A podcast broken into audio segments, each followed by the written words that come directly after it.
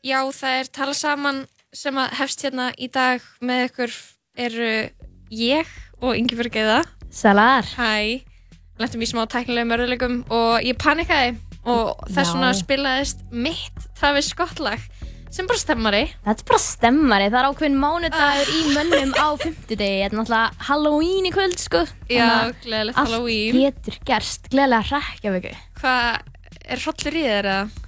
Mætti segja það sko, það er svona, þetta er svona, við erum á svona middubilstímabili þar sem maður er ógslag kallt á morgnana og svo er ógslag hlýtt um miðan dag þegar maður er eitthvað svona Ógæslega hlýtt? Ekki hlýtt, að Ok. þurra, að það er hvað ég já, þú veist ég já, að pæla í þessu þegar ég var að keira einhvað Mhm. sem maður er ógslag kallt þegar maður vaknar fyrir just ullasoka eða eitthvað. Ok. og úlpu. Sem maður er eitthvað í bílnum á leiðinni eitthvað að kapna, eitthvað að og og svona þú veist, ég væri til í að þetta væri bara komið strax við, veist, það væri komið strax vetur að við erum ekki í svona millibils ástandi, það er svo fucking perandi Já, mér finnst það bara skemmtilegt. Mér finnst bara alltaf lægi að það sé bara ágætt viður úti. Þetta er samt ekkert ágætt veður, það er ógslag kallt á morgnana og Þú varst að segja að það var hlýtt. Já, nei, ok Ok, allavega, allavega. Ingeborg, þú ert hérna með mér í dag og stíð tala saman teiminu og hann Jói er fyrir góðu gammi í dag. Já, hann þarf að sinna heimilislífinu.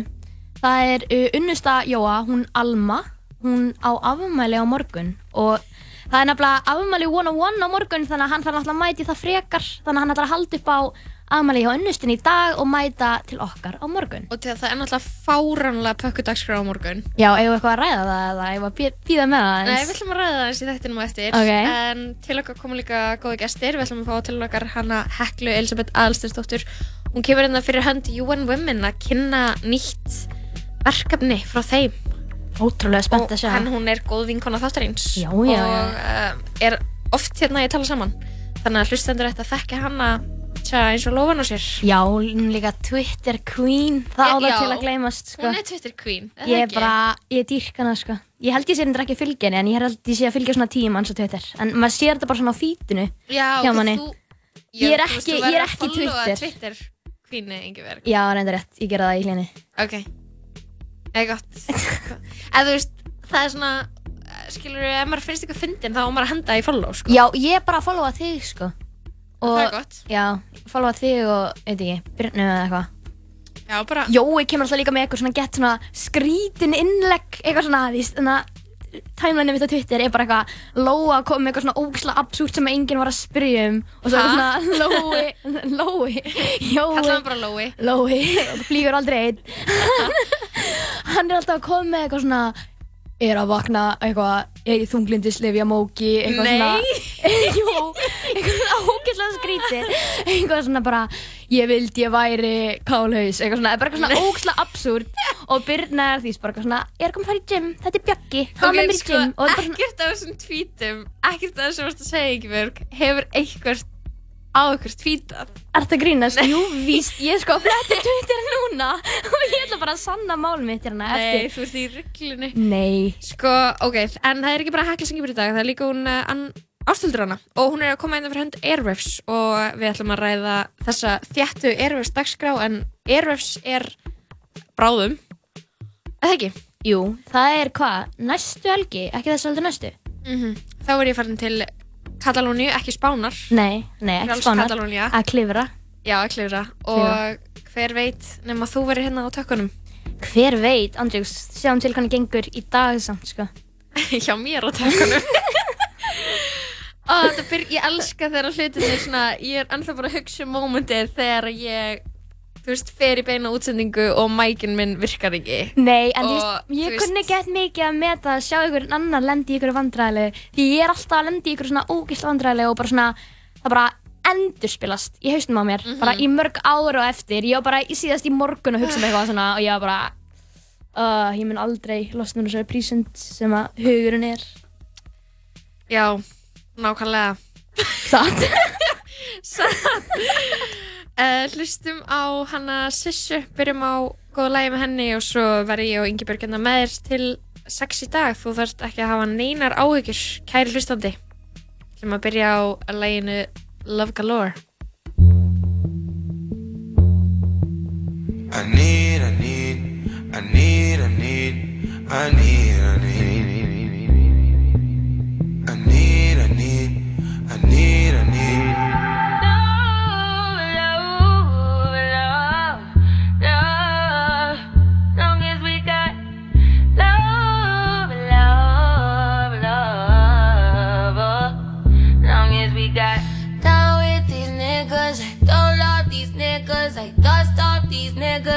Do it for fun. Don't take it personal. Personally, I'm surprised you call me after the things I said. Skirt, skirt, all niggas. Skirt up, all niggas. Skirt down, you acting like me. Acting like we wasn't more than a summer fling. I said farewell, you took it well. Promise I won't cry or spill milk. Give me a me another volume, give me another hour or two. Hour with you. Why you bother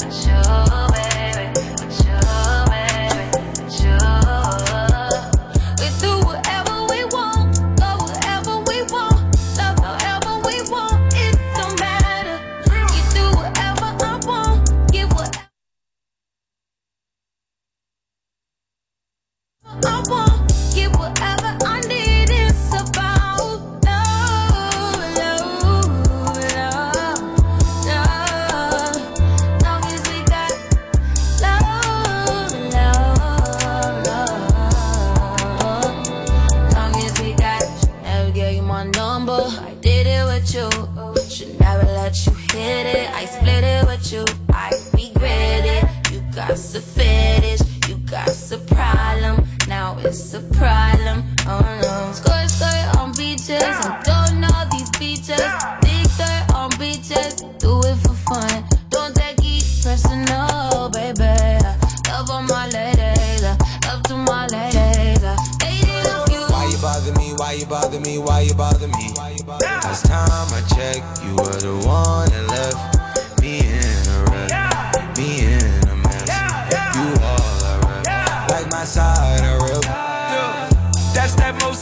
side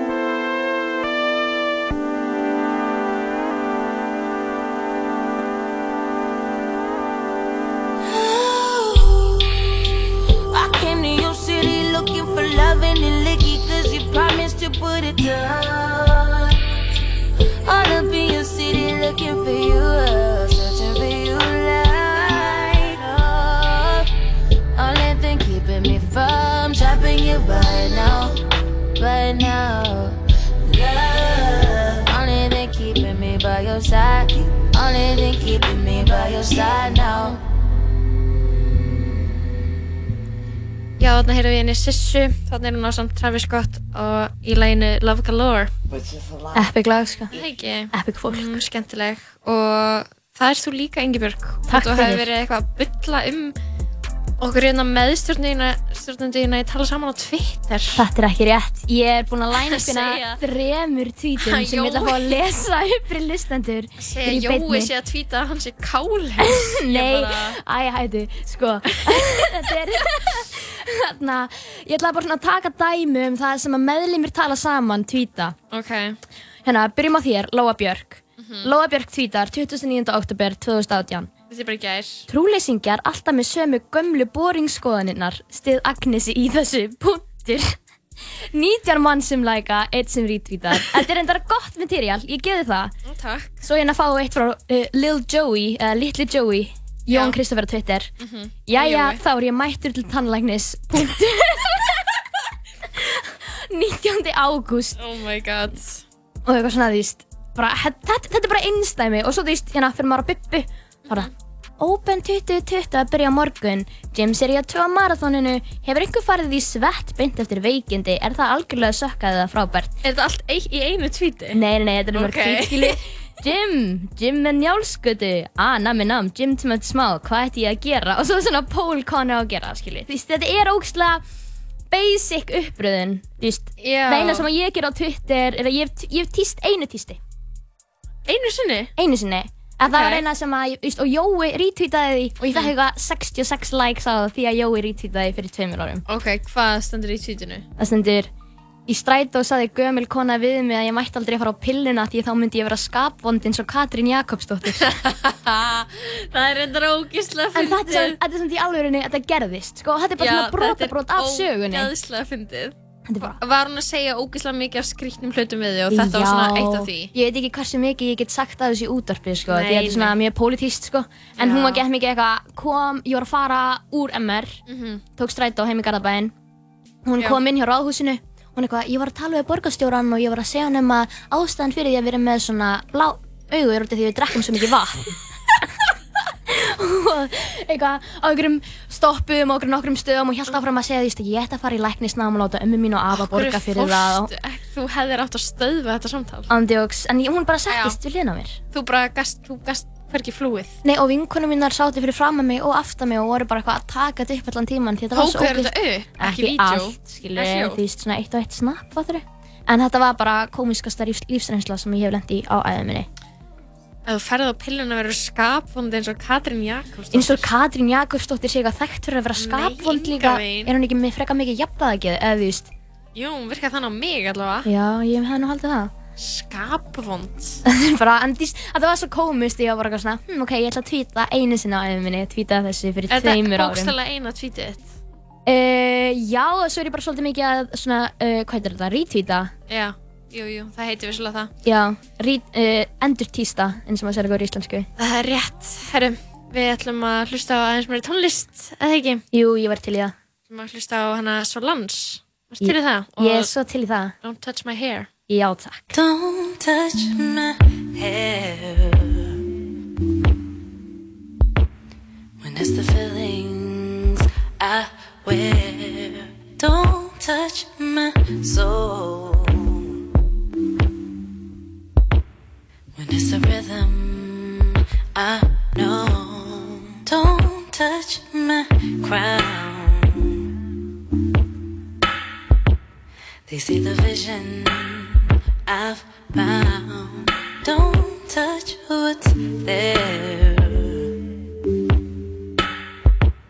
When it's the feelings I wear, they don't understand chose to go, where we meant to go. They don't understand what it means to me. Where we chose to go, where we meant to go. You know this here is my shit. Roll the ride,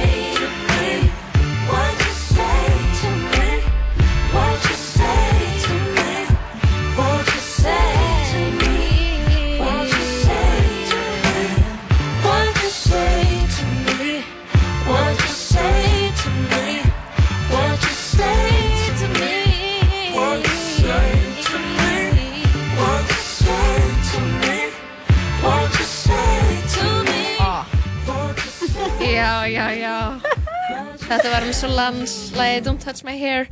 Herru, við erum komið með hana Byrnu Maríu til okkar. Um, fárlega mikið pepp. Bubba, hvað segir í dag? Ég er bara eitur hess. Ég er bara, það er 50 dagur, eða eða ekki rétt um mér. Jú, það er 50 dagur. Fimmtudagari. Og það er 30. og 1. oktober. Ó, spooky Og á morgun, já, það er ekki vaka, en það sem er svona skemmtilega er sko, á morgun er ammæli útvarsins. Það er rétt. Við erum búin að vera eitt ár í loftinu á morgun. Fyrst er nóf, það er klikkað og að það skulle vera ár síðan að útastöðum fór í loftið, það er amazing sko. Time voru endar ekki með okkur þegar hann fór í loftið. Við erum bara, já, andjóks, Við erum ennþá að busa þig. í ár eitthvað, Það er ég bara, já, þetta er enna fyrsta skipti mitt sem við erum að tala saman í heilnan þá. En, það, það er svona meira samt Ingeborg sem er að busa okkur sko, að rústa tweetin okkar. já, En uh, ok, það er svona ammælisdagskrá á morgun. Ef við gæsa að runna í gegnum hana, kynna hana fyrir hlustundum. já, bara eigum við að ræða það eitthvað. En hann að, fyrstdægin, fyrstdægin fyrsti nóf á morg, risastór dagur. Og Dagur. við ætlum að byrja daginn snemma hérna út af hlundrænum. Við ætlum að byrja dagskrana klukkan 6 um morgunin, ok? Hljómar kannski get weird, ah, nei, hljómar eins og það sé ekki weird að byrja klukkan 6 en vanlega að byrja klukkan 8.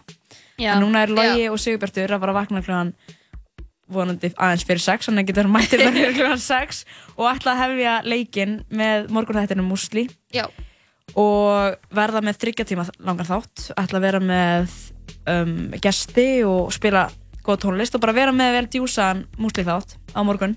og bara Já, svona hver- extended version af þessum músli þætti sem að Já. hefur innkent uh, morgna landsmanna núna síðust árið. Já, síðast árið og þeir eru náttúrulega sérstaklega búin að vera að stjórna þessum þætti núna í nokkra vikur. Lóa, þú hefur náttúrulega reynsla af ég morgunþættinum. byrjaði náttúrulega í músli sko. Já, einmitt, ég man mjög vel eftir því þegar Lóa kom inn til Jóa í morgunþáttin músli. Nú, Ég bara hlustaði alltaf á morgunþáttin músli. já, ok. Og Þannig að ég var alltaf að keira í skólan. Þannig var að það ég... skemmtilegt? eða? Já, ég var fyrst var ég bara svona, hver er þetta? Ok, ok, ég bara svæf, ég er ekki að heyra þetta. Uh, hver, þannig, hver er uh, síðan eftir? Það eru strákarnir ætlar að vera til klukkan nýju, þannig að vera frá 6 til 9 og þar á eftir þá fáum við já, góðvinn stöðarinnar, eða góð, já, svona góðvinnkonur stöðarinnar, um, Sagarsdóttir, fyrir músli þáttastjórnandi, Já, hún er bara fyrir, fyrir starfsmæður hérna. fyrir starfsmæður og, og geit Og aðeins meina bara vinir, sko. og með henni verður Sandra Barilli. Hún var í viðtalið um daginn hjá okkur og hún er líka fjörug Hún er Improv Ísland með sögu og hún Já. er með hlaðverfin Slegðu og hún, hún er að taka fleiri með- sinni gegn líka á Instagram eða þú veist að sýnir frá því Instagram um fólk vil skoða en, en sáliður heitir Sögustund með sögugarðars og hún er bara að fara eitthvað já, fara að vera með eitthvað sögur og mögulega frumflýta útvarsleik. já, mögulega flum, frumflytja útastleikrit þannig að já, það er bara mikið pepp. Þetta Mikið verður- pepp, þetta Svo mikið mikið stuð. til að heyra þetta, sko. Ég elska Sögu Garðars. Hún er bara, hún er, hún er svo mögnuð kona. Hún þýst, hún er einhvern veginn, og barnið hennar, Edda stúlkar hennar, Kristín. Edda.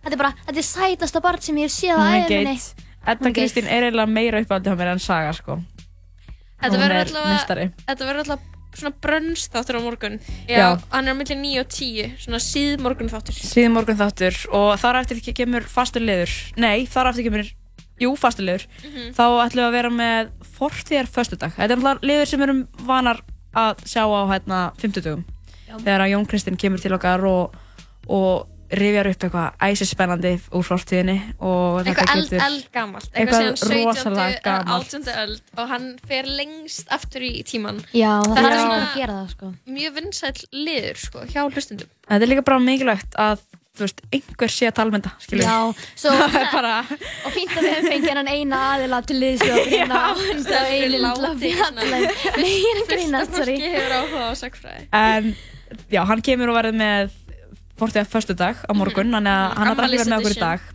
En þar eftir þá ætlum við að frumflytja nýjan þátt. Og þessi þáttur, hann er svona tónlistatháttur en ekki, ekki eins og tónlistathætnir sem að við þekkjum hér á stöðunni nú þegar, þar að segja, heldur er þetta já, svona um klassíska tónlist. Mm í stjórn Nönnu Kristjánsdóttur.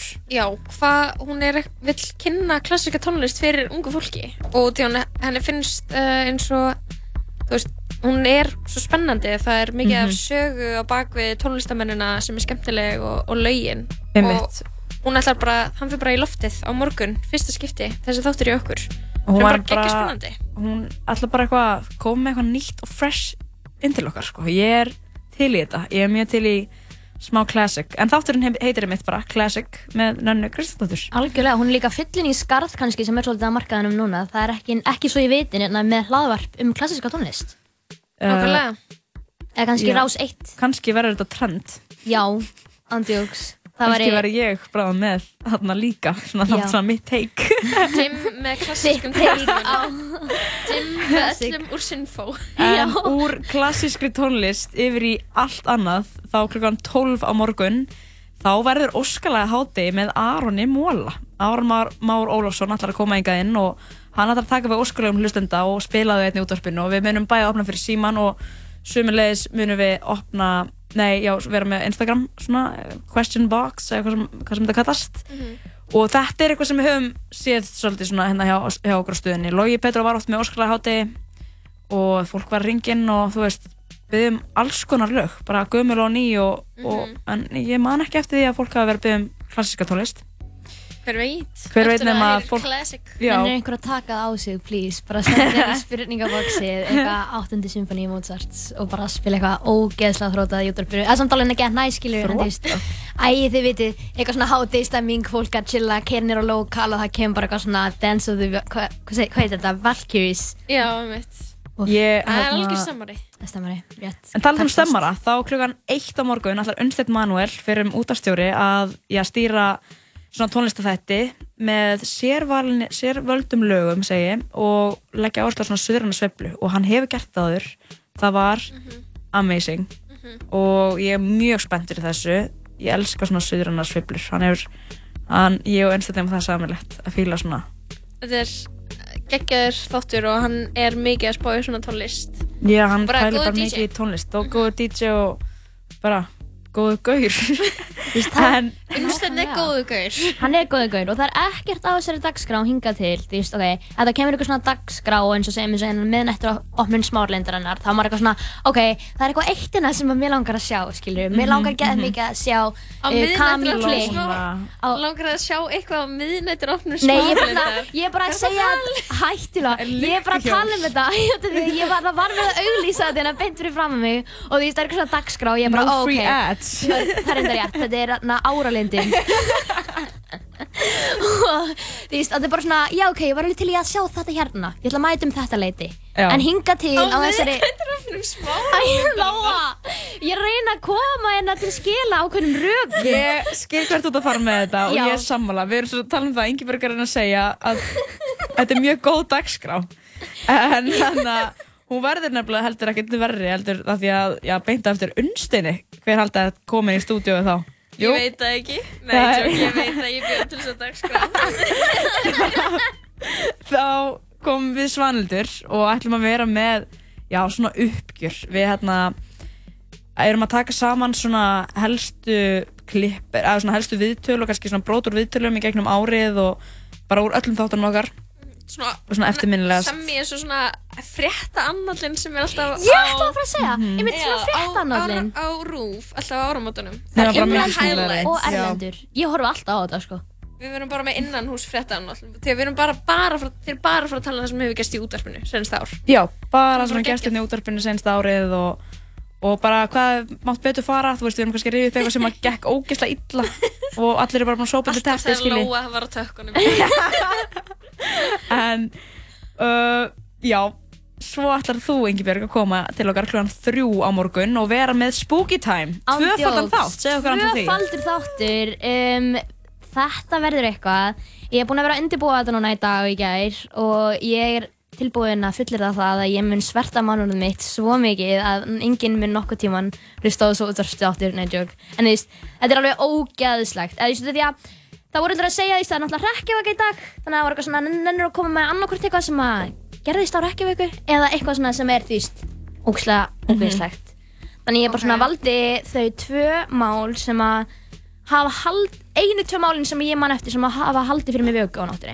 Ú, spooky. Ég er bara, mér líður ekkert vel núna, ég er búin að vera að lesa um ykkur ókslega mál núna í, í 24 tíma, þannig að ég lagt að segja ykkur frá því, ókslega spennt.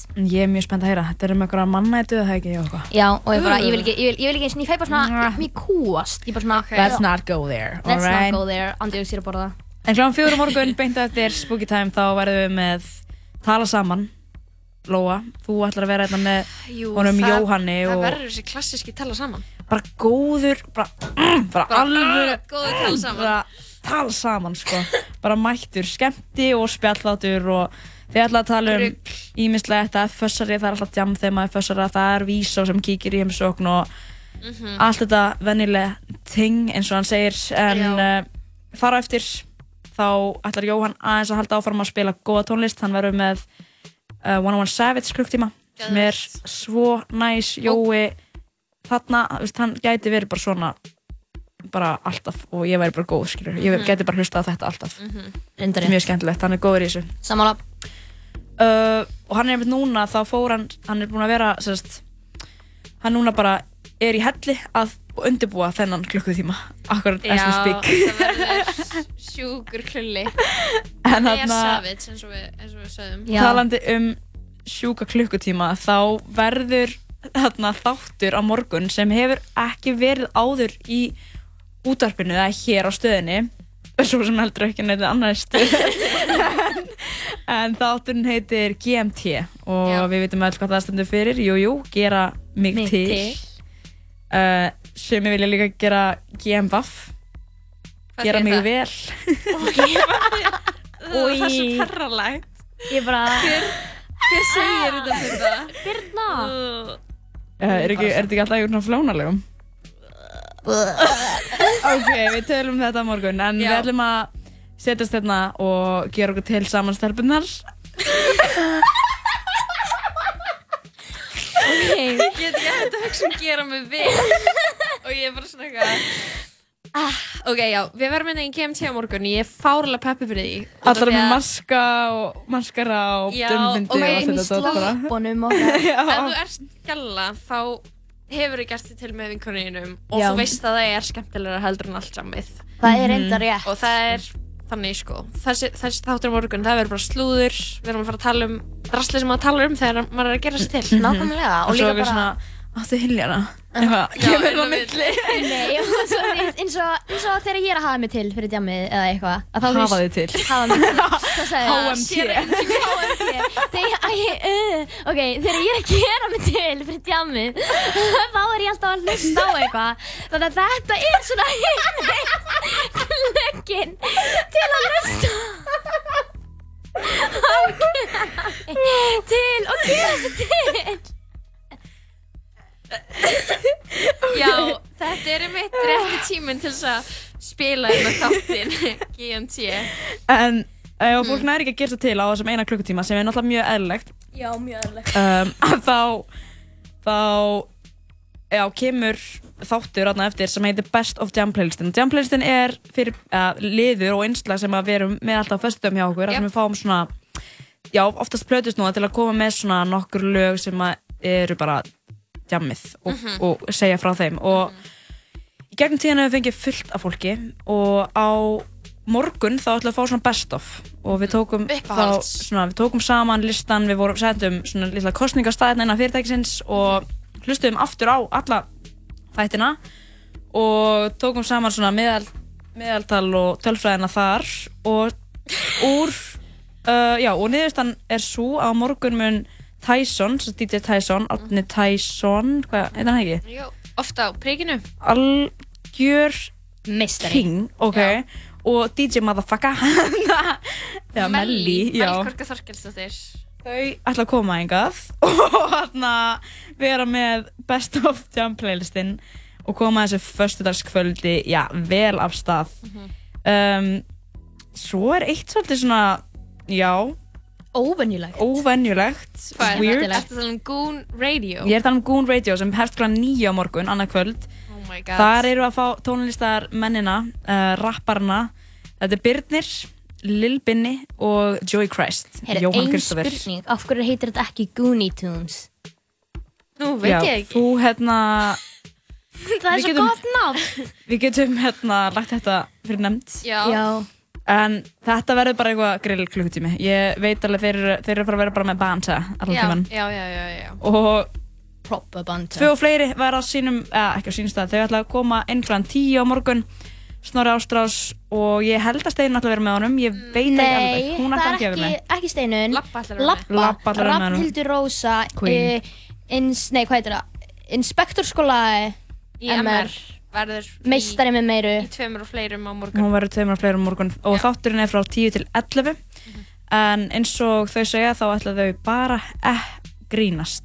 Já, Bara ekki grínast, skilur við. ekki flóknar en það. ekki flóknar en það og Snorri Ástrás um, ætla svo að halda áfram með smá DJ-set frá kl. 11 til 12 beint eftir það byrjar háskalegur, hástónlist, fólk vel kannski svona komin í partygýr að hlæja gef mikið og til í bara aðeins að standa upp og hrista sig dansa, hástónlist en svo er eitt sækódæmi sem að kl. 1 um nóttina Jöp, það er nætur tala saman. Nætur tala saman. 101 nótt. já, Og það verður ég, uh, er að vera ég og Jói með hlustundum í loftinu milli 1 og 5 uh, aðfram á hlöðdags og við ætlum að bara vera hérna í fáralega miklu stuði Mhm. Bara með, með hlustundum okkar ég, ég er svo peppi geggjað, þetta sko við fáum Já. gesti og, og, og Það er tónlist. samt, ætlaði að fá bara svona fólk að týna fólk en á hverfi skutinni inn í stúdíu. Við erum bara, sko. þú veist, þið ringið út, þið kannski tjekkið á Jeff eftir kljóðan hálf, fimm og Já. sjá hvernig stemningi var. Það er þið getið ringt í Aron á B5 líka, þú veist. Algjörlega. Það er ímislegt í bóði, en, en, Algjörlega. en kærlistandi, já, dagskránu morgun, hún er ekki búin klukkan fimm. Nei. Vá, þetta var alveg eins og morfísað, heyrðu það. Já, Já. kæri hlustandi, eitthvað svona, ekki bara alveg- veit að betur. Ég veit að betur, við getum Þannig- farið í það á eftir. En klukkan fimm Já, byrjar eitthvað weird. Hvað er að fara að vera þá? ambient hour. Ambient hour, Þannig einmitt. að ef þú ert að leiðinni heim á jamminu eða komin heim á jamminu þá ætlum við að svæfa þig, kæri hlustandi, með ambient tónlist millir 5 og 6. Getur ég komið með svona, að það er- hvernig er ambient tónlist? Ambient tónlist, hvað viltu heyra tóndæmi Ég vil heyra, ég vil fá, um, já, spurtur um lag. Betur, morgun. Uh, ok, betur. Alltaf besta hér á hundraðinum. Það er bara eitthvað svona. Oh, I like. Þetta er svona þegar þú ert á Instagram og ert að scrolla í gegnum feedið þitt og far Calm app auglýsingu. Já, einmitt. Svona your phone Já, eða þú veist, ég sett á eitthvað svona náttúru, skilur Einmitt, Svo er mm. eitthvað svona annað. En þessum klukkutíma líkur klukkan 6, sérst annan, morgunin annan november og þá er hátíðardagskráin officially búinn. Jöp, En við erum að tala um 24 klukkustundar dagskrá, stút fullri dagskrá, pökkuð. pökkudagskrá, fullt af fólki, fullt af viðtölum, fullt af tónlist og bara nóga fjöri og við erum bara spennt að fá að deila þessum degi með öllum hlustendum okkar. að halda upp á eins og samanli, það er fucking geðveikt. Það er, það er Má mjög ekki alveg gaman. segja það. Það er bara epic, epic, ja. Epic. Herru, Bibba, takk fyrir að koma og kynna dagskrána fyrir okkur. Mín var ánægn, við sjáumst á morgun. Gera það og hlustum á lag og til okkar vantarlega hún Hekla Elisabeth Alstensdóttir eftir við hlustum á þetta lag með henni Charlie XCX Boys. I was busy thinking about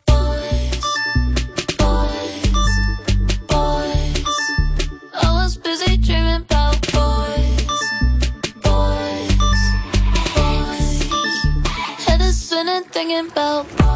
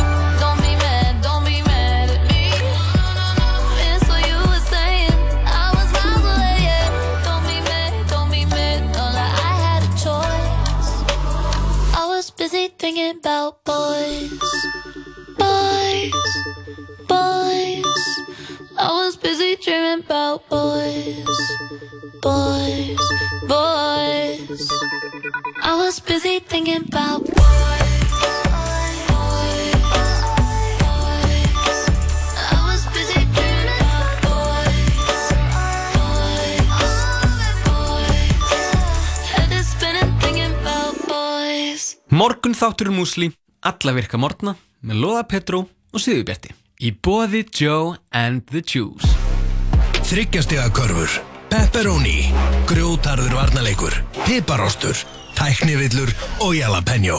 Já, Dominos og körfubolti smelt passa saman. Við stundum vaktina í allan vetur í Dominos deildinni. Vertu með Dominos. Hamburgerabúla Tómasar Vatnið er eitt besti drikkurinn Hamburgerabúla Tómasar Nings, nings, nings.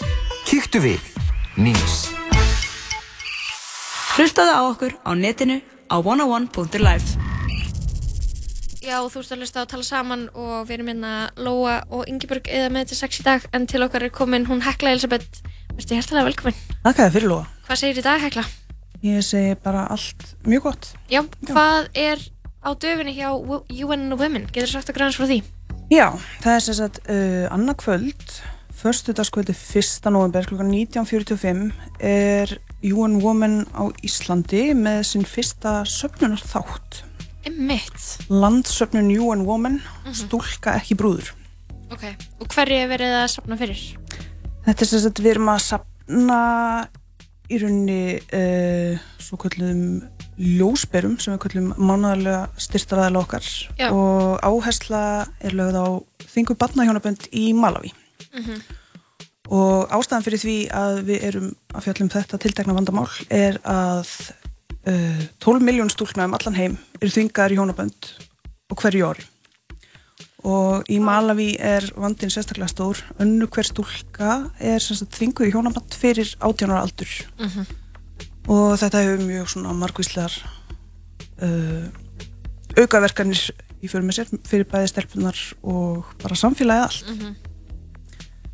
Hver er ástæðan fyrir því að það eru þungar í hjónabönd? Þetta er yfirleitt fátækt um, sem sagt það búa 17,5 miljónir í Malawi og Mhm. fólksfylgun það er með því hæsta sem gerist í heiminum Mhm. og hérna megnið af íbúum Malawi lifandi fátæktamörkum Mhm. Og oft hafa þau fyrir mjög mörgum að sjá í heimili. Og þess vegna hefur þessi siður sem stóri til að gifta stúlkur ungar til að létta undir með heimilinu. Ok.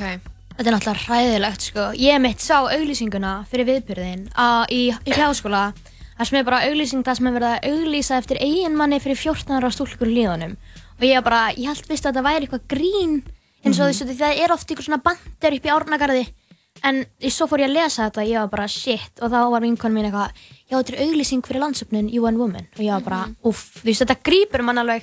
Þetta er eitthvað sem að stendur nærri manni, við erum náttúrulega hérna þrjár stelpur í stúdíónu, þú veist ég get ekki ímyndið mér hvernig lífið okkar væri að við myndum fæðast í þennan heim sem að þessar stúlkur, sem er raunheimur þessar stúlka, stúlkna. Já, það sem náttúrulega gerist þegar stúlka giftist svona ung er að hún fyrir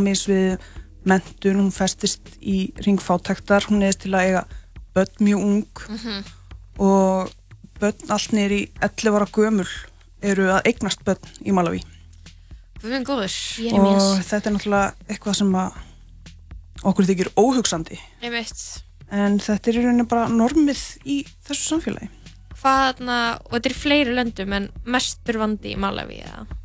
það eru, veist, Malawi er eitthvað starf á topp 10 listanum.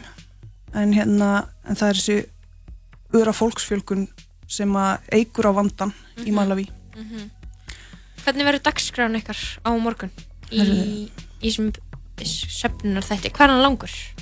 hann er rúmir tveir tímar að lengd og það eru hérna já, mjög mörg og mismunandi einslög í þættinum UN Women á Íslandi heims og til þess að Malawi uh, fyrir stuttu síðan Ok. og tóku við að fjóra stúlkur og maður er að hópa á höfðingja í Malawi sem að sérst, uh, mæðrahópar og hö- vinna sem sagt, í samstarfi við höfðingja Mhm. í samstarfi við UN Women að því að uppræta og rifta barnahjónamöndum Ok, í Malawi. Með þau, eru, sagt, þau voru gerð ólögleg árið 2017 ok. en núna er stærsta verkefnið að uppræta hjónaböndin og koma já koma wow, Stelpum heim til sín eða, veist, úr hjónaböndum. úr eru- hjónaböndum og aftur í nám Já, ok. það er náttúrulega líkilatrið í þessu öllu er að stúlkunar komist aftur í nám En er þarna, þú veist, þeir fá eitthvað svona pening, hvernig er séð til þess að, þú veist, þeir fá ekki pening í smá stund og svo bara stuttu sérna skapast aftur svona sama ástandið, sama Mhm. neyðin. það sem að styrkirnir fara í er sem sagt þetta er tvíþætt sko, þetta fyrir annars vegar í fræðslu fyrir mæðrahópana og höfðingjana og trúarleitóa Mhm. sem gegna náttúrulega mikilvæg hlutverki í því að bera kennsla og uppræta þvingubann hjónabönd Já. Ok.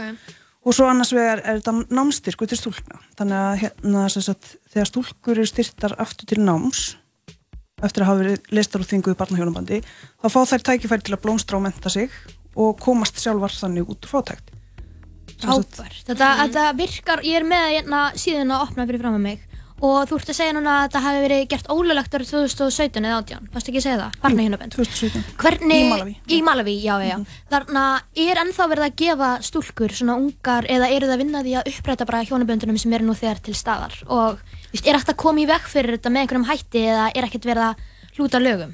þetta er náttúrulega, þú veist þetta er svo rosalega útbreytu vandi að það tekur tíma að hérna bæði koma koma þessum skilabúðum að framfæri til allra í samfélagunum Já, að þetta sé ólöglegt. Já, já, það er stór hluti af þessu. Mhm. Þú veist, þetta er bara svo gamalgróin siður. Mhm.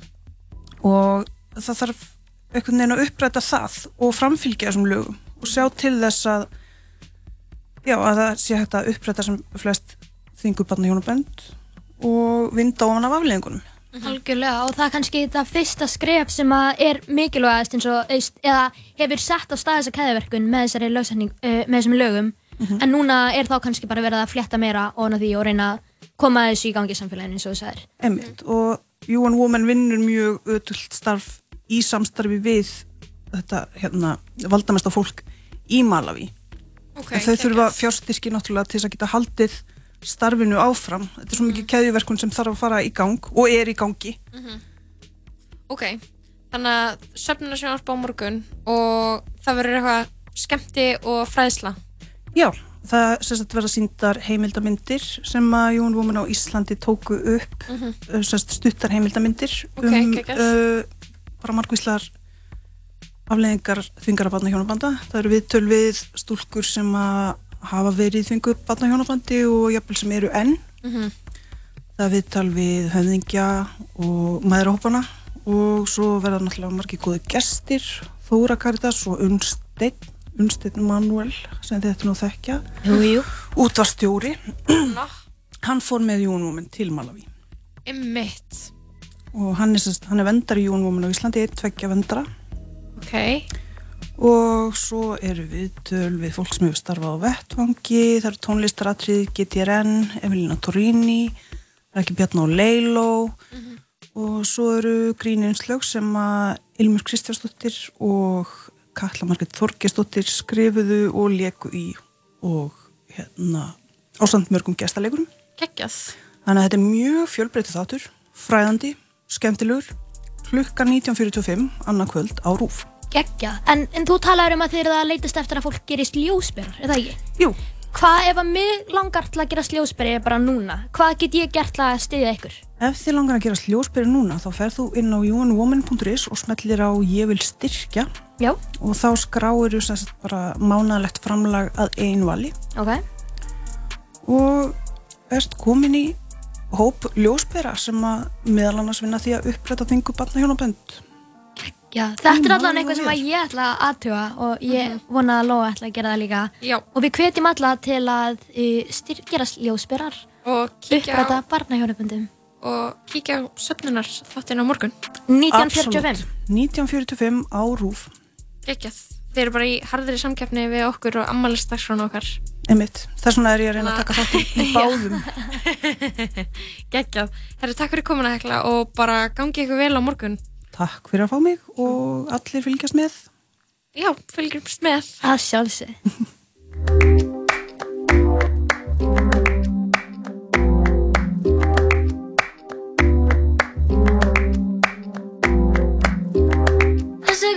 roto. Yo sentí como crujía. Antes de caerse al suelo, ya sabía que se rompía. Uf, está parpadeando. la luz del descansillo, una voz de la escalera, alguien cruzando el pasillo. Malamente. Sí, sí.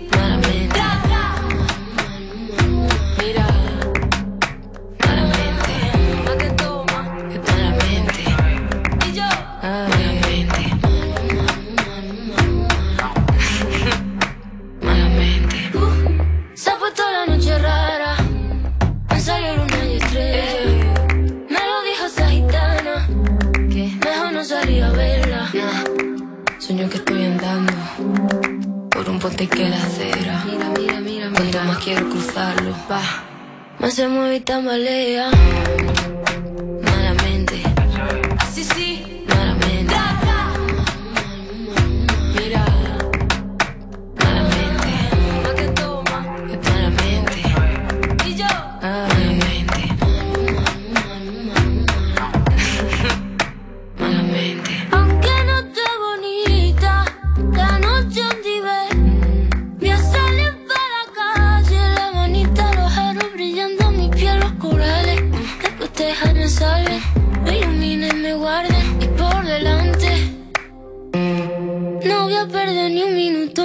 a pensarte.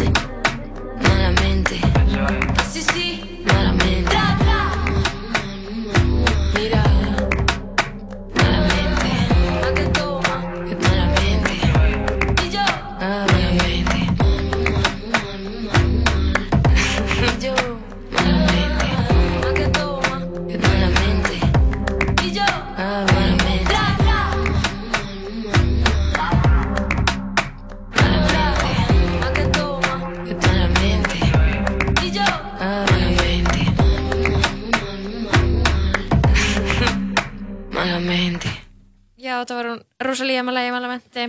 Við ætlum að eh, hlusta á íslenskan listamann næst, hann er Önur Skram. Já, hún er einmitt listamann vikunar, ekki rétt? Jú, jú, mikið rétt. Við ætlum að hlusta að lægið Energy með henni. Laka til það. Ó, maður gæti, já. Svo komum við eftir hérna vonandi með góðan gest frá Airwaves. Hver veit?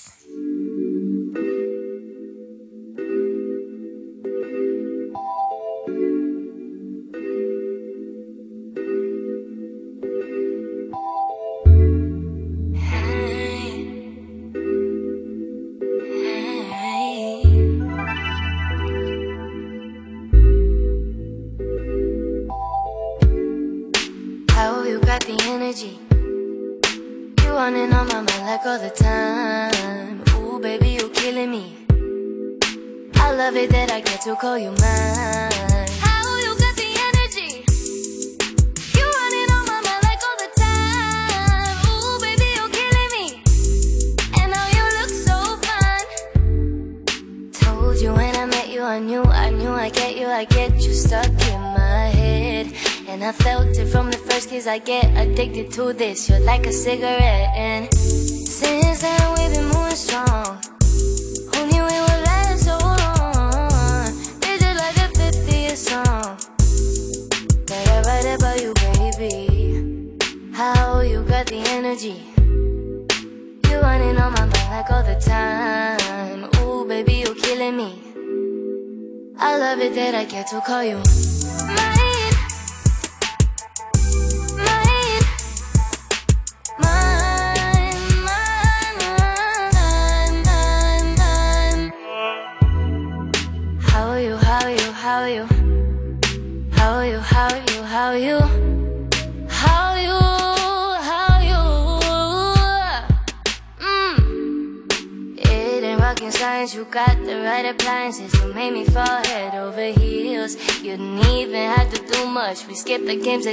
much, it was a done deal.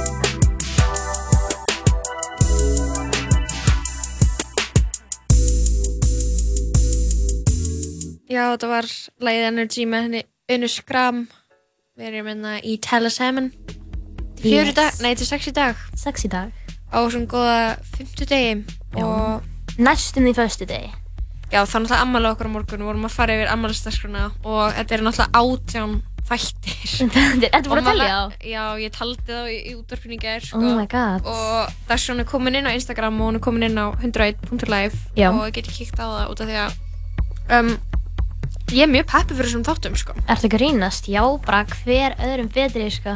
Ætla þú að hlusta á nætur tala saman með mér og Jóa? Ég held það, sko. Kannski ég bara kíkja við með einhverja sendingu, koma með einhver svona vegan bragðarefi eða eitthvað.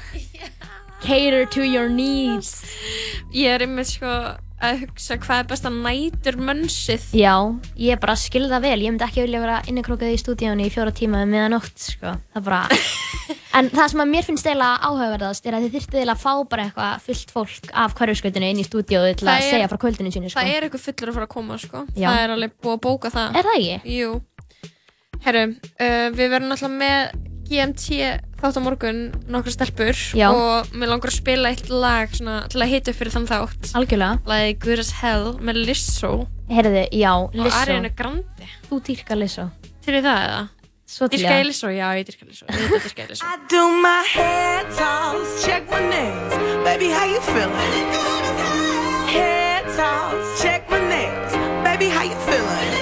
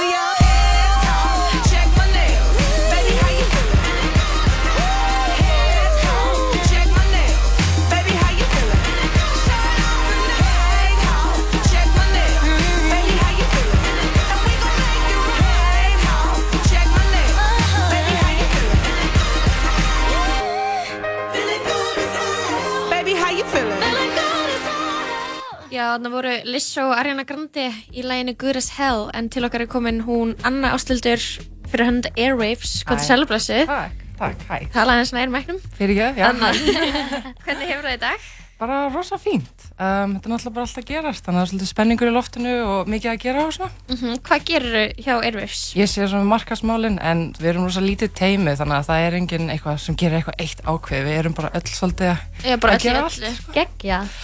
Hvað er þarna, hvað er svona mesta peppið fyrir Airwaves? Hvað er eh, crazy við Airwaves í ár?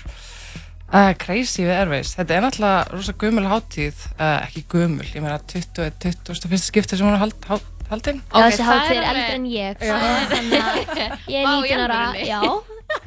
það er alltaf mjög komist. Já, það er pínu komist. Um, og náttúrulega maður erfir svo, mikið og svo miklu sögu og hérna, hátíðinu er haldina ákveðin hátt mjög lengi. Mitt. Og uh, já, bara, þetta er náttúrulega snýst bara fyrst og fremst skemmtilega músík og eitthvað partí, sko. Já, algjörlega. Ég er alltaf náttúrulega spennt. Ég stefna á það að fara. Já. En ég stefni alltaf á það að fara. Ég hef einu sinni farið eitt kvöld og mér fannst það sko geðvikt. Og þá sá ég aðalega man ég mest eftir Reykjavíkudæturum þegar það voru í listasafninu fyrir tveimur árum held ég. Já. Ég fór. Og mér, mér fannst það bara geðvikt. Eitthvað svona, Það er nefnilega eitt svo skemmtilegt við þetta er að íslensku hljómsveitinar, maður kannski sé þær oft spila eitthvað svona hér og þar á Íslandi en það er svona öllu tjaldið til á Airwaves og allir farið sitt fínasta púss Algjörlega, og sko. búningahönnuðir og ljósasjó og það er alveg geggjað sko. Þetta var svo geggið upplifun og það var svo víst ógslag mikið af fólki hana sem að þekkir og bara veginn svona samansapn af úrvali Íslendinga. Þú veist, bara svona besta úrtækið. Er eitthvað að headlina eða skilur við, hvernig er það með Airwaves í ár? Við sko tölum, við reynum að tala ekki um headlinera uh, per se sko, það er allir, þetta er alltaf bara í stárosuru í rauninni hjá okkur en um, of Monsters and Men er að spila á lögadeginum, þeir eru einu sjó hérna á Íslandi í ár Já, ok. og Magdi Marko sem að ég veit ekki hvert þekkið kannski Jú, ég þekki hann. það? Ég mitt sko mista á hann um síðast, þannig að ok. ég hlakka til að Það er hann að koma í annað skipti? Já, hann hefur komið áður sko. Ég, hann að vinkona mín, er mikill Magdi Marko Ok, aðdáðandi. Þannig að uh, Agnes, þetta er eitthvað fyrir þig. En hátíðin líka snýst bara ókslega mikið um, þú veist, að svona ráa milli staða, uppgöta eitthvað nýtt og bara Mhm. svolítið svona go with the flow, þú veist, það er alltaf margir með stíða dagskrá en ég myndi segja að það er betra að hafa bara svona lausa dagskrá og svona svona- svolítið um. Mæta og bara láta koma sér á óvart. Já, einmitt. Og það byrjar á miðvikudaginn, segir Það byrjar á eru, miðjan viku. hvar eru þarna venjuðnir ykkur í ár?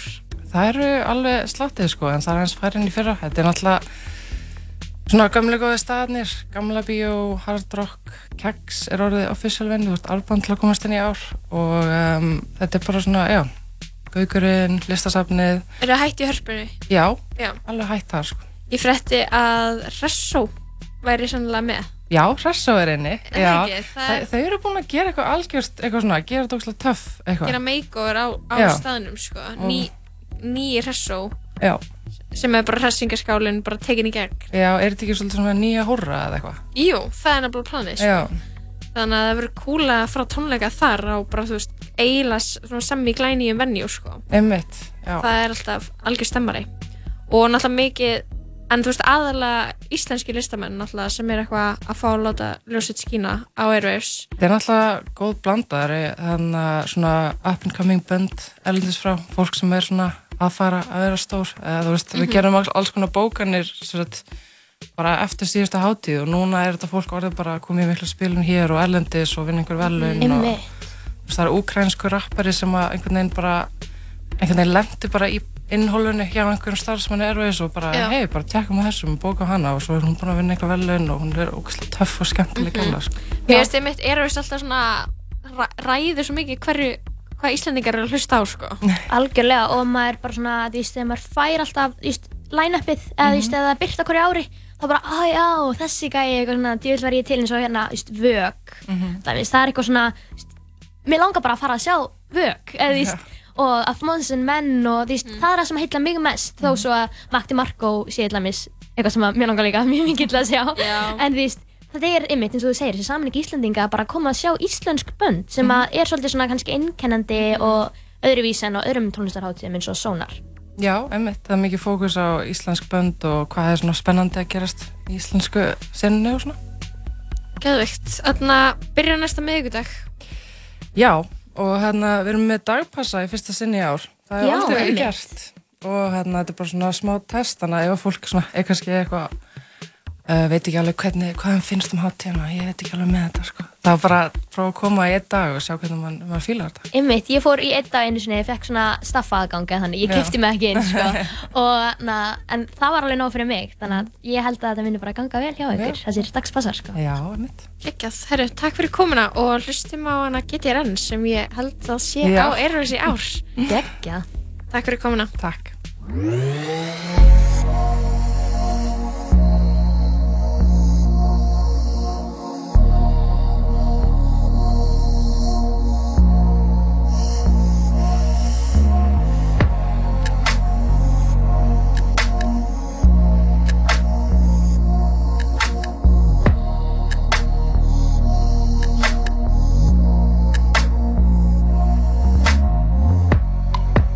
Ætti að vita betur eða Hvað það nú var heldur Sjáum hvað situr heldur Stöndum í stað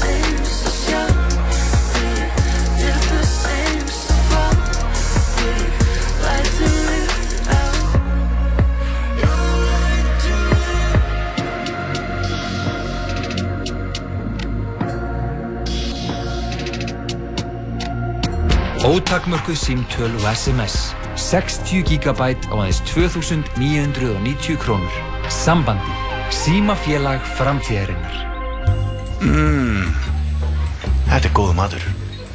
Skál, hlemur matöll. Veistla í magan og gleði í sálina. Serrano. Fresh. Happy. Max. Tala saman. Alla virka daga, millir fjögur og sex. Í bóði Dominos og Zombieland Double Tap Komin í bíó Já, við vorum að kveða hana önnu ástildi frá Airwaves. Hún var að segja okkur frá hátíðin í ár sem er bara mikið pepp. Hökkuð, pakkað Þú sko. varst peppi fyrir þessu, Ingeborg. Ég er mjög peppuð. Ég held ég, ég láti alveg vera að því að mæta og hætta bara Hættu að hanga heima. Hætta að hanga heima, það er samt alveg, já.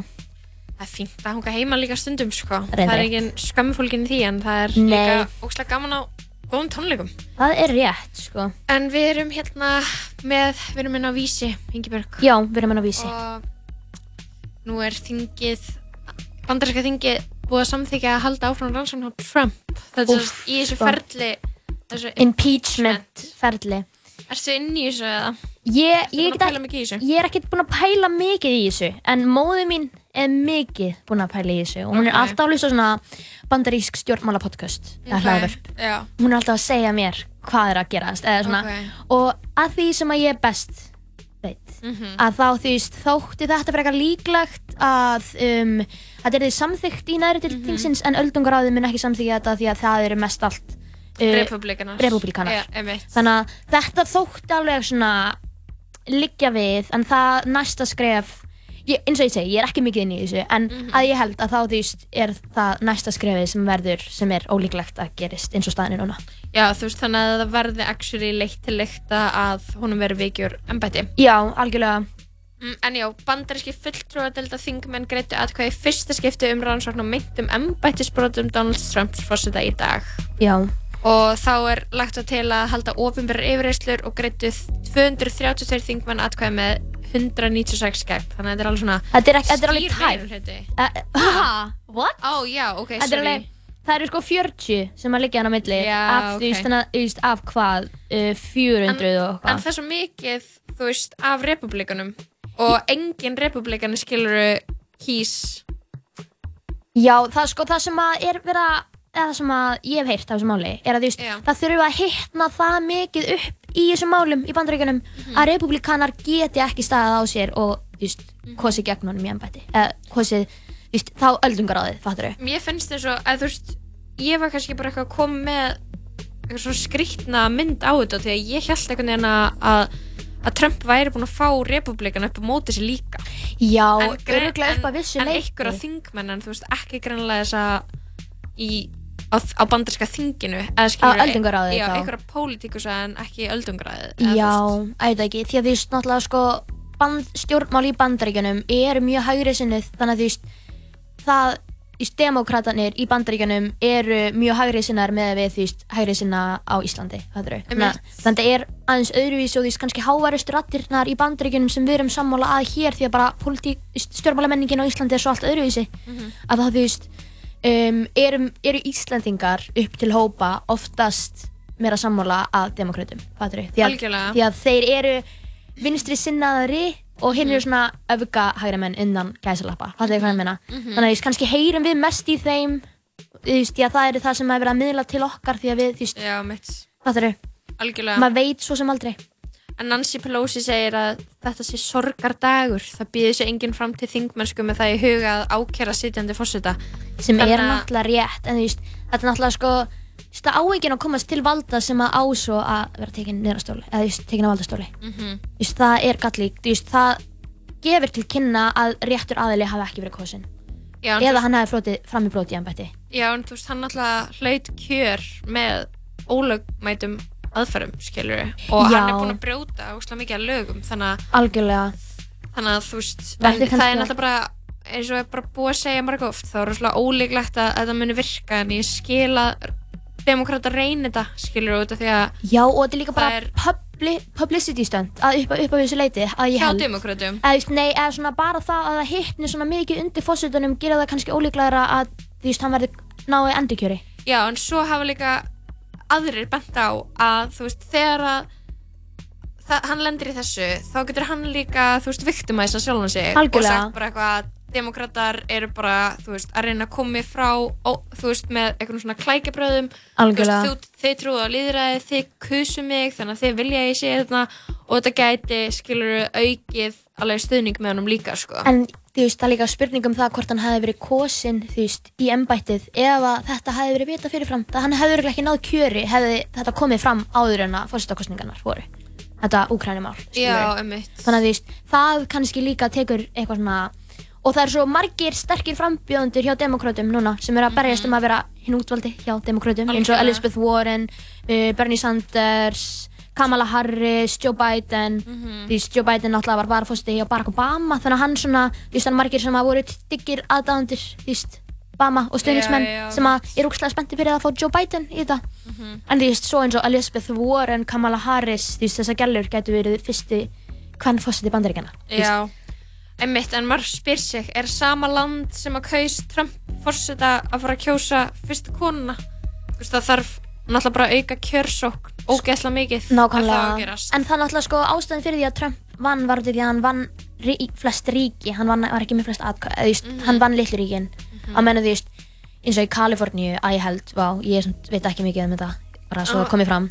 Það, það er svona þegar maður tala saman þannig að að Hillary Clinton, eins og hún vann uh, Kaliforníu og eitthvað með, það var miklu meiri munur en bara þú þarft að vinna ákveðin ríki innan bandaríkjana, eða einmitt, þetta er eitthvað svona ríkjadæmi, sko, þetta er Já. bara svolítið svona eins og kostningar á Íslandi, það sem að uh, sveitin er með meira vægi, þú veist, já, Og svo er náttúrulega uppi umræður um það og hafa verið mjög lengi að samina landið í eitt uh, kjördæmi Mhm. sem Það væri crazy, náttúrulega. Það væri crazy, það er náttúrulega búið að, sa að sameina hana fyrir austan eða ekki Núna, bara um Á- daginn, var það ekki samþykkt? Jú, það voru saminuð bara eitthvað ógeðslega mörg sveitafélög Já. í eitt, þarna Já.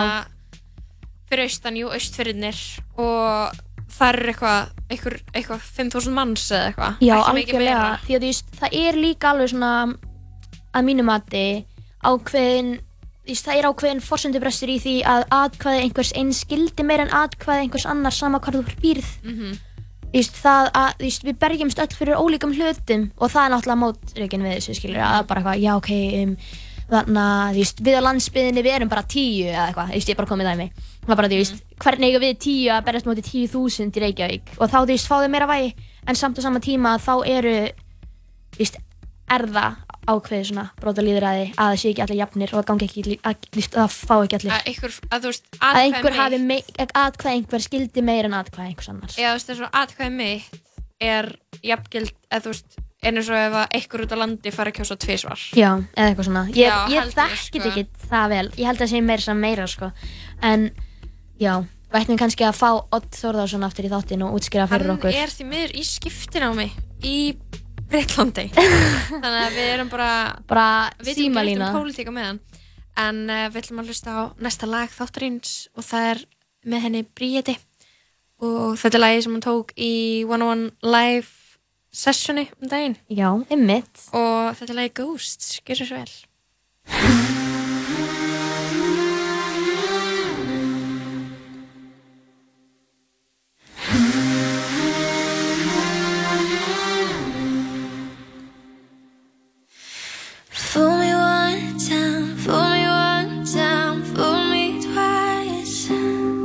So I can learn coldly, leave you lonely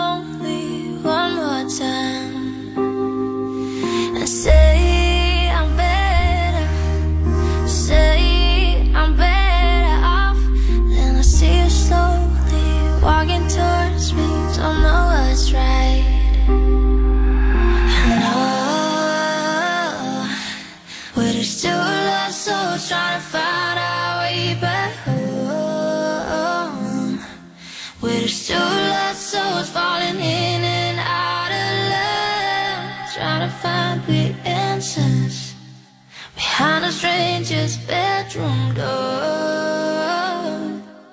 We're just two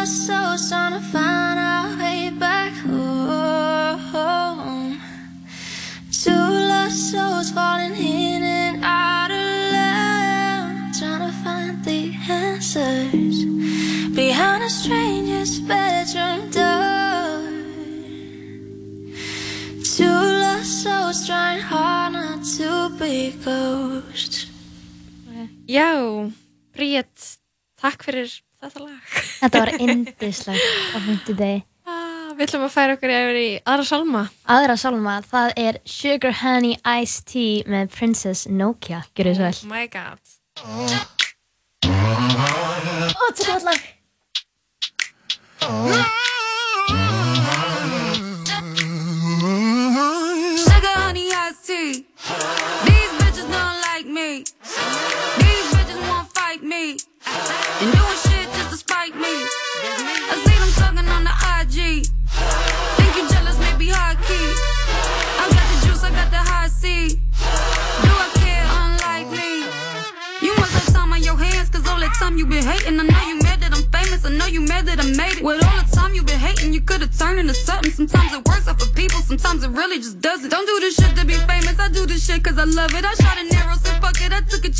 Nothing. You have to go for it, want it, you have to rise up above it. If you go unexpected, well girl, I think that you bugging. How you want what I have? You ain't working yourself. That toxic energy shit ain't really good for your health. I think you need better goals, cause oh my god, you seem lost. You talking shit about my music, but what the fuck have you dropped? Now what the fuck have you done? Accolades you have none. Your lazy ways get you none. I'll go and pray for you, hun.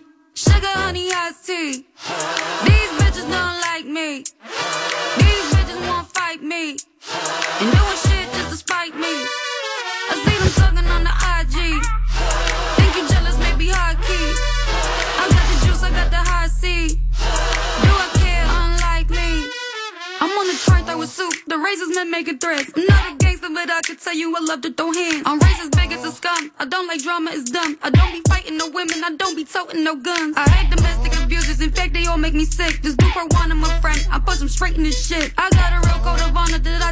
Seriously. If Colin Cap was a woman, then I'd be dead on one knee. My revolution is over, I'm healing kids with my hands. I'm talking loving my people, not fighting bitches for bands. I got no hate in my heart, I think it's funny I rap. I did not beg in the streets, and I did not trap in the trap.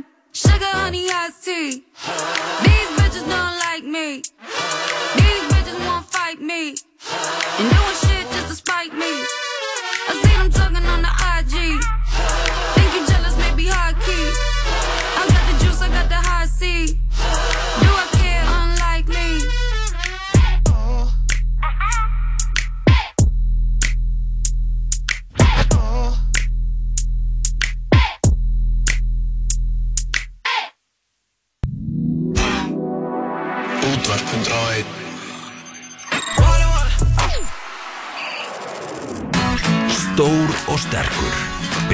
Trouble er nýr sérborgari á American Style Hvaða ár var tvöfaldur latte síðast á 350 kall? Morgunbollin frá Joe and the Juice á laugavegi og nýjum stað á Hafnartorki. Alla daga frá 8 til 12. 14 stöðuvar og 7 sundlöðar á aðeins 6.840 krónur á mánuði. World class. Já, þú ert að lusta á tala saman með Lóu og Ingeborgu Eðu. Við verðum hérna með þér í svona hálftíma í viðbútt Já. í þessum fimmtudags uh, þætti af tala saman. Tala saman. Það er búið að vera fyrir dag. Heldur betur. Það er Gellu 30. tími, sko. Gælu tími, já. Bara Það er- gælu gestir, bara gælu þáttu stjórnendur. Þetta, þetta vill stundum gerast, sko. Já, Þannig í þessum- í þessum þætti. Já. En uh, ok, það er svo 30. oktober í dag sem þýðir að það er... 30. október. Æ, það er 31. Það er 31. oktober. Oh, ég er svo utan með mig. Ok, herri. Sorry. Það er 31. oktober En í er dag. það ekki hrekkjavaka? Það er hrekkjavaka. Ég man sko mjög viðvillig eftir því að hafa búið út í bandaríkjunum. Hvernig búist í bandaríkjunum? Uh, frá því ég var 3 til 6 ára. Oh. Og ég var að tala um þetta í ammæli, svona fjölskyldammæli um daginn. Þú veist, ég man ógstu vel eftir hvað þetta er big deal in America. Þú veist, það voru, við byggum á svona Stanford campus. Það sem að var bara svona einn stór ringur eða þannig. Já. Og bara öll börnin voru með því, það er bara svona, þú kaupir annarkort svona graskers uh, plastgæja. Mhm. Eða þú veist, eitthvað svona, þú veist, svona, svona eins og fötu fyrir nammi og svo getur líka keft bara alls konar öðruvísi. Og það getur opnað það að neðan til að styrta úr því þetta er alveg bara svona háþróað dæmi.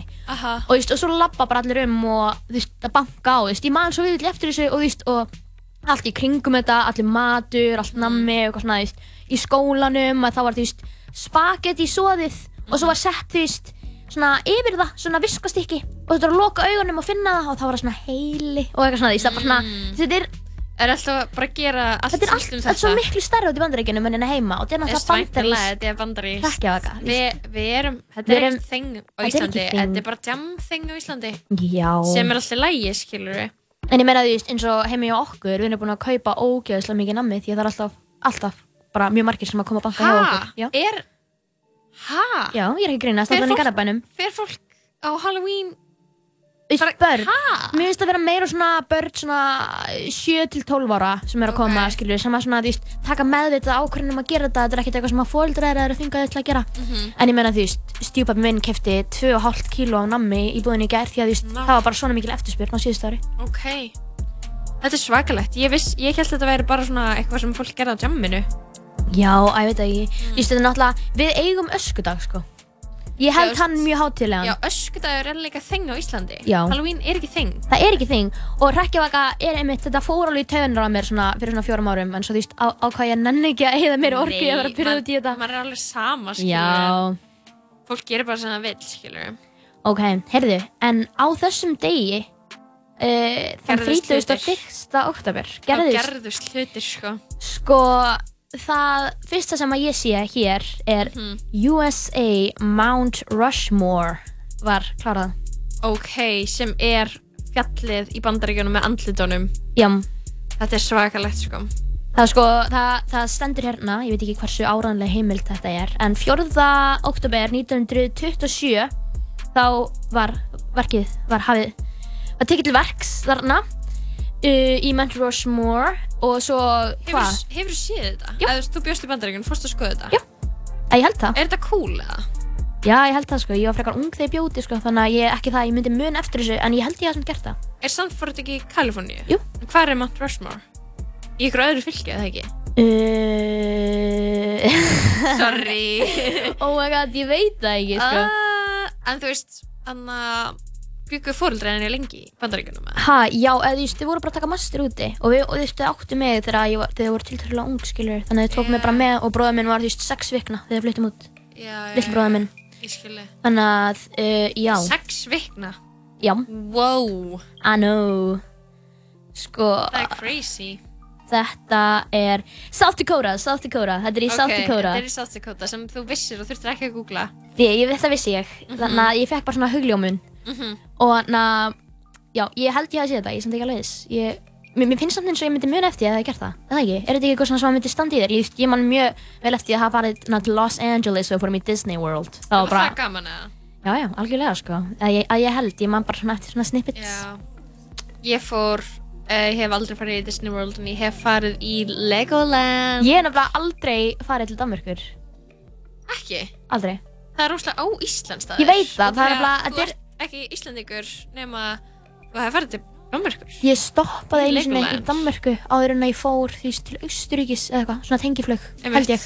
Það telst ekki með, svoleiðis. náttúrulega. Nei, það telst nefnilega ekki með, ég fór bara á flugullin. En na, já, þú veist, ég hef bara farið, ég hef farið á svona skrýknastæði, ég ég hef aldrei farið til, þú veist, ég fór til Svíþjóðar fyrir tveimur árum. Aldrei farið á svona basic bitch Nei, staði. aldrei til Noregs, aldrei til Danmörkur. Þú verður að skoða hérna Norðurlöndin, sko. Já. Þau eru alveg fín, sko. Mér langar líka til Finnlands, ég held að það sé ekki. Já, mér langar til Finnlands og verið svona kofa, við svona vatn. Já, ertu greinast? Í sánu. Já, ég hef farið til Rússlands, til dæmis, en ég hef ekki farið til Finnlands, ekki farið til Danmörkur. Einmitt. Þetta er, þetta þetta er ekki. góð forgangsröðin, sko. Nei, reynda rétt. Um, við ætlum að hlusta á næsta lag. Já, gerum það bara. Og það er bara uh, fárlega gott lag þessu sinni. Við ætlum aðeins í throwback stemmara. Það er Throwback Thursday sem minnum á það að ég átti að vera að spila tónlist frá árinu eitthvað, 1995 Já, fjö- fimm, Fjögur, jú, já, fimm. en ég var ekki að því og þið þurfum bara öll að díla við það Svona er það þegar Jó er ekki með okkur, við höfum bara að skemmta Já, við erum bara eitthvað að flippa Já. My milkshake brings all the boys to the yard, and they're like,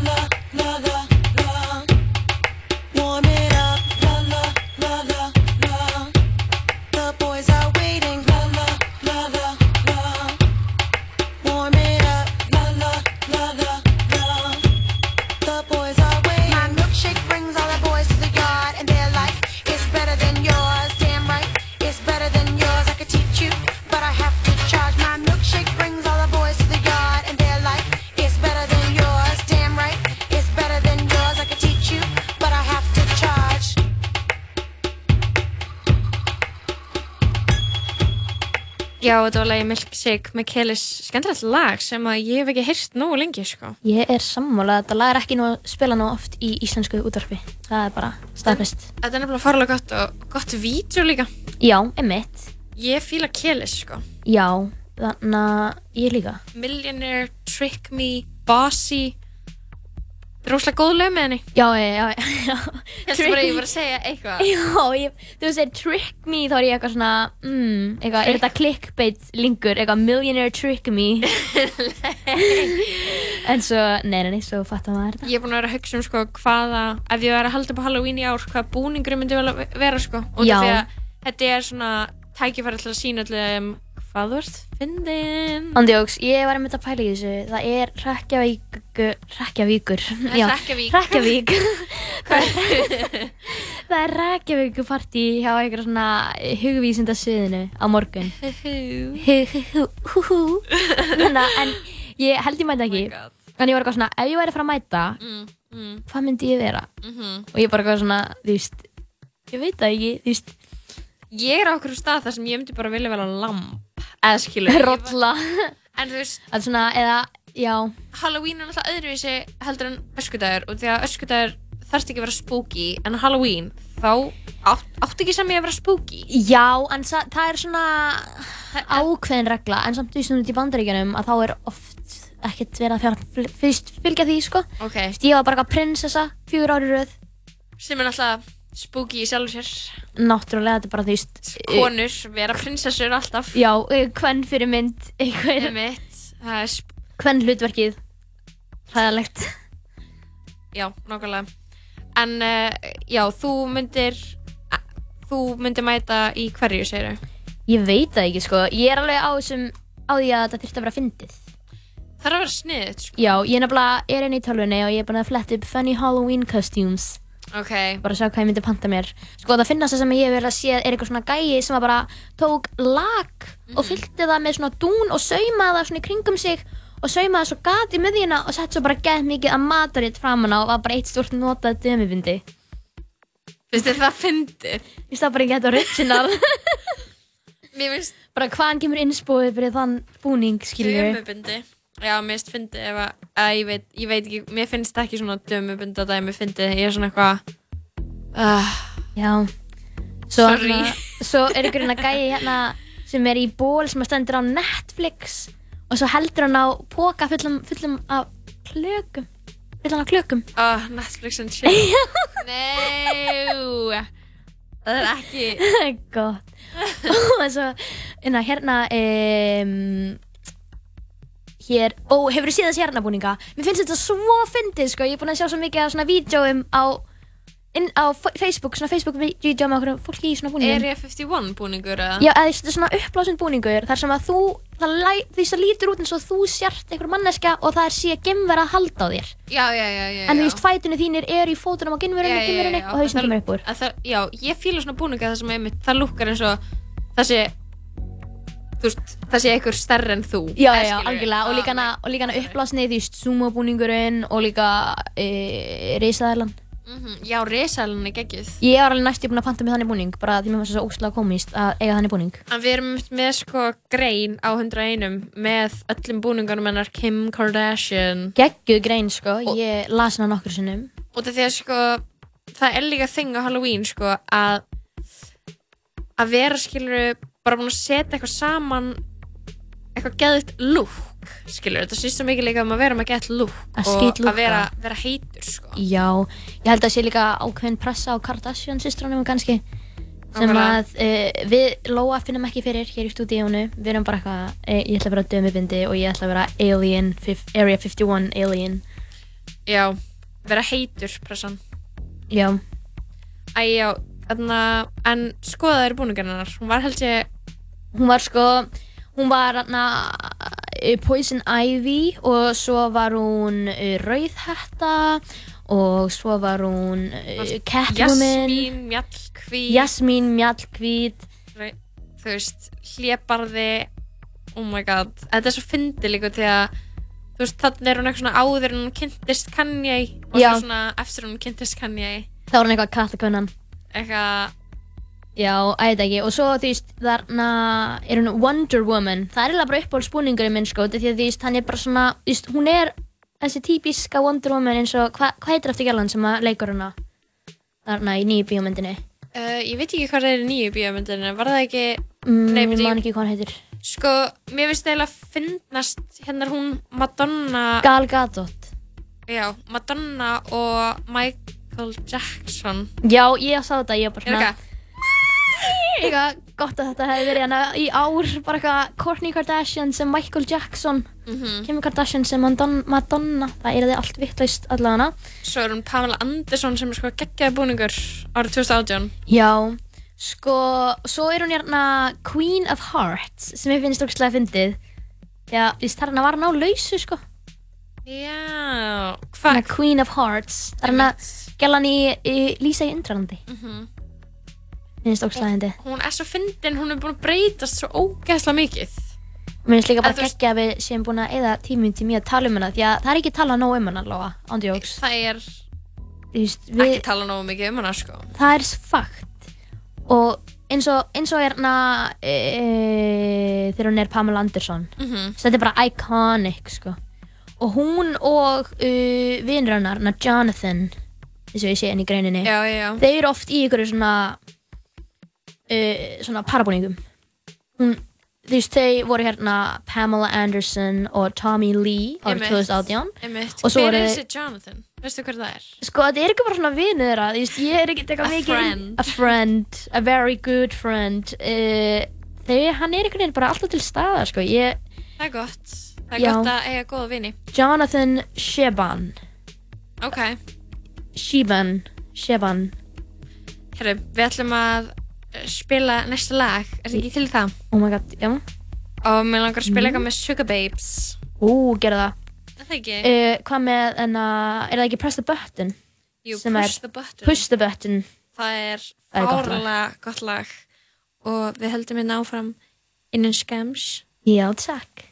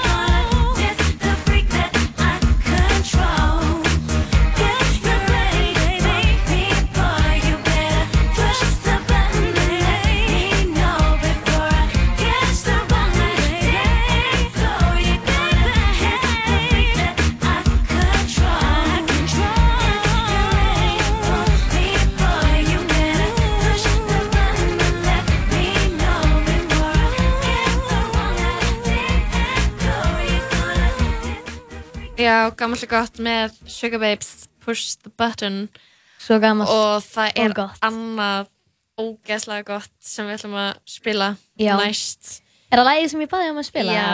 Þetta er, nefnilega- þetta er svolítið vibes í mér í dag allavega, sko. Bara svona, lag? bara léttleik yfir munnum. En það er Já. kortir í helgi. Það er fárulega mikill léttleiki Hlustum á þetta en við komum og, og kveðjum ykkur hérna á eftir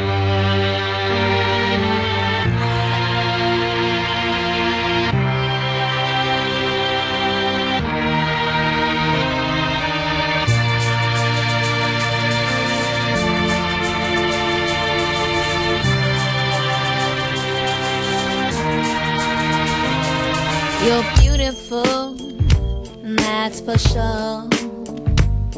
You'll never, ever fade. You're lovely, but it's not for sure. I won't ever change. And though my love is great, and though my love is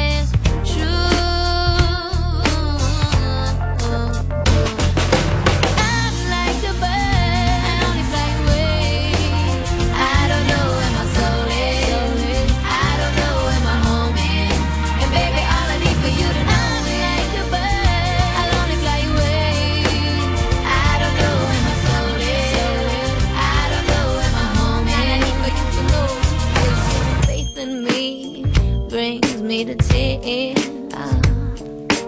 Even after all these years, years, and it pains me so much to tell that you don't know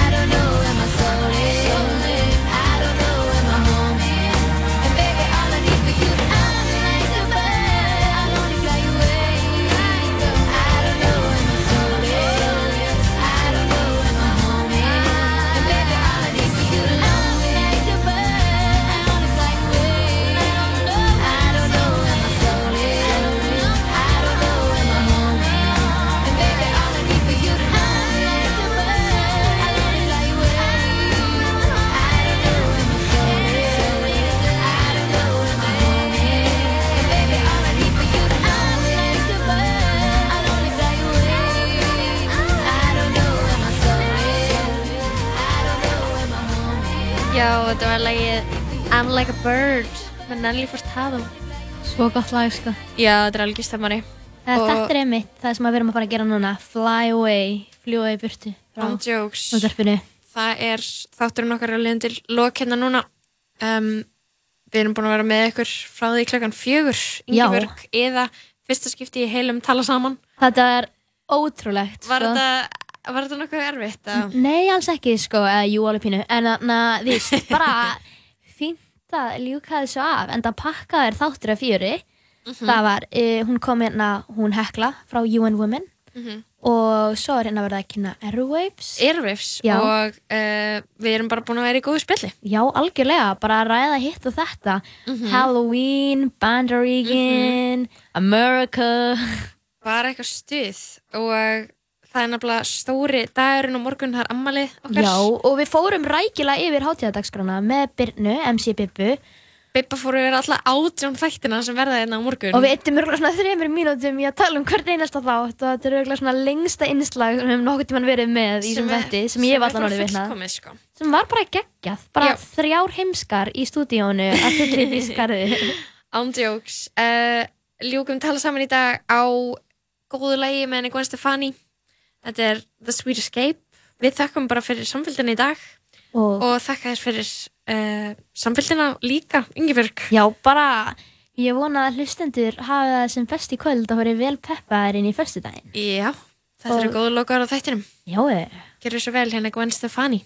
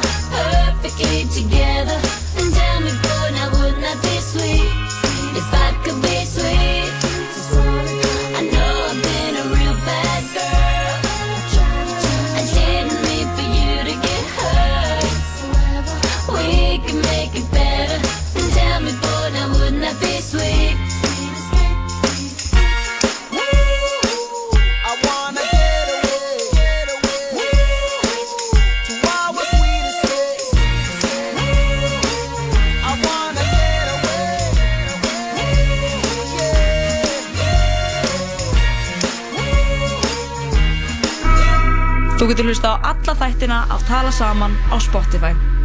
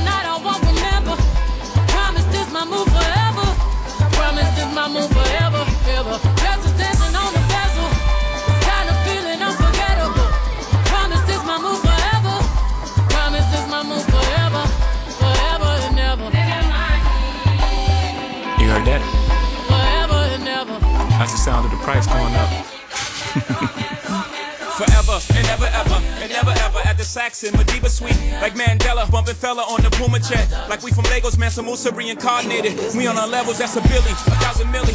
First one to see a B out these housing buildings. I be feeling like Prince in 84, Mike in 79, Biggie in 97, 94, Nas, Ali, Kumbaya. No Kumbaya, just give me the sommelier. I'm on Latage, helmet on a jet ski. You know the vibes hit my head, forget I'm me. Oh my God, without the God and the XY, I'm afraid the whole game will be colonized. The marathon will be televised for NIP. Cause true kings don't die, we multiply.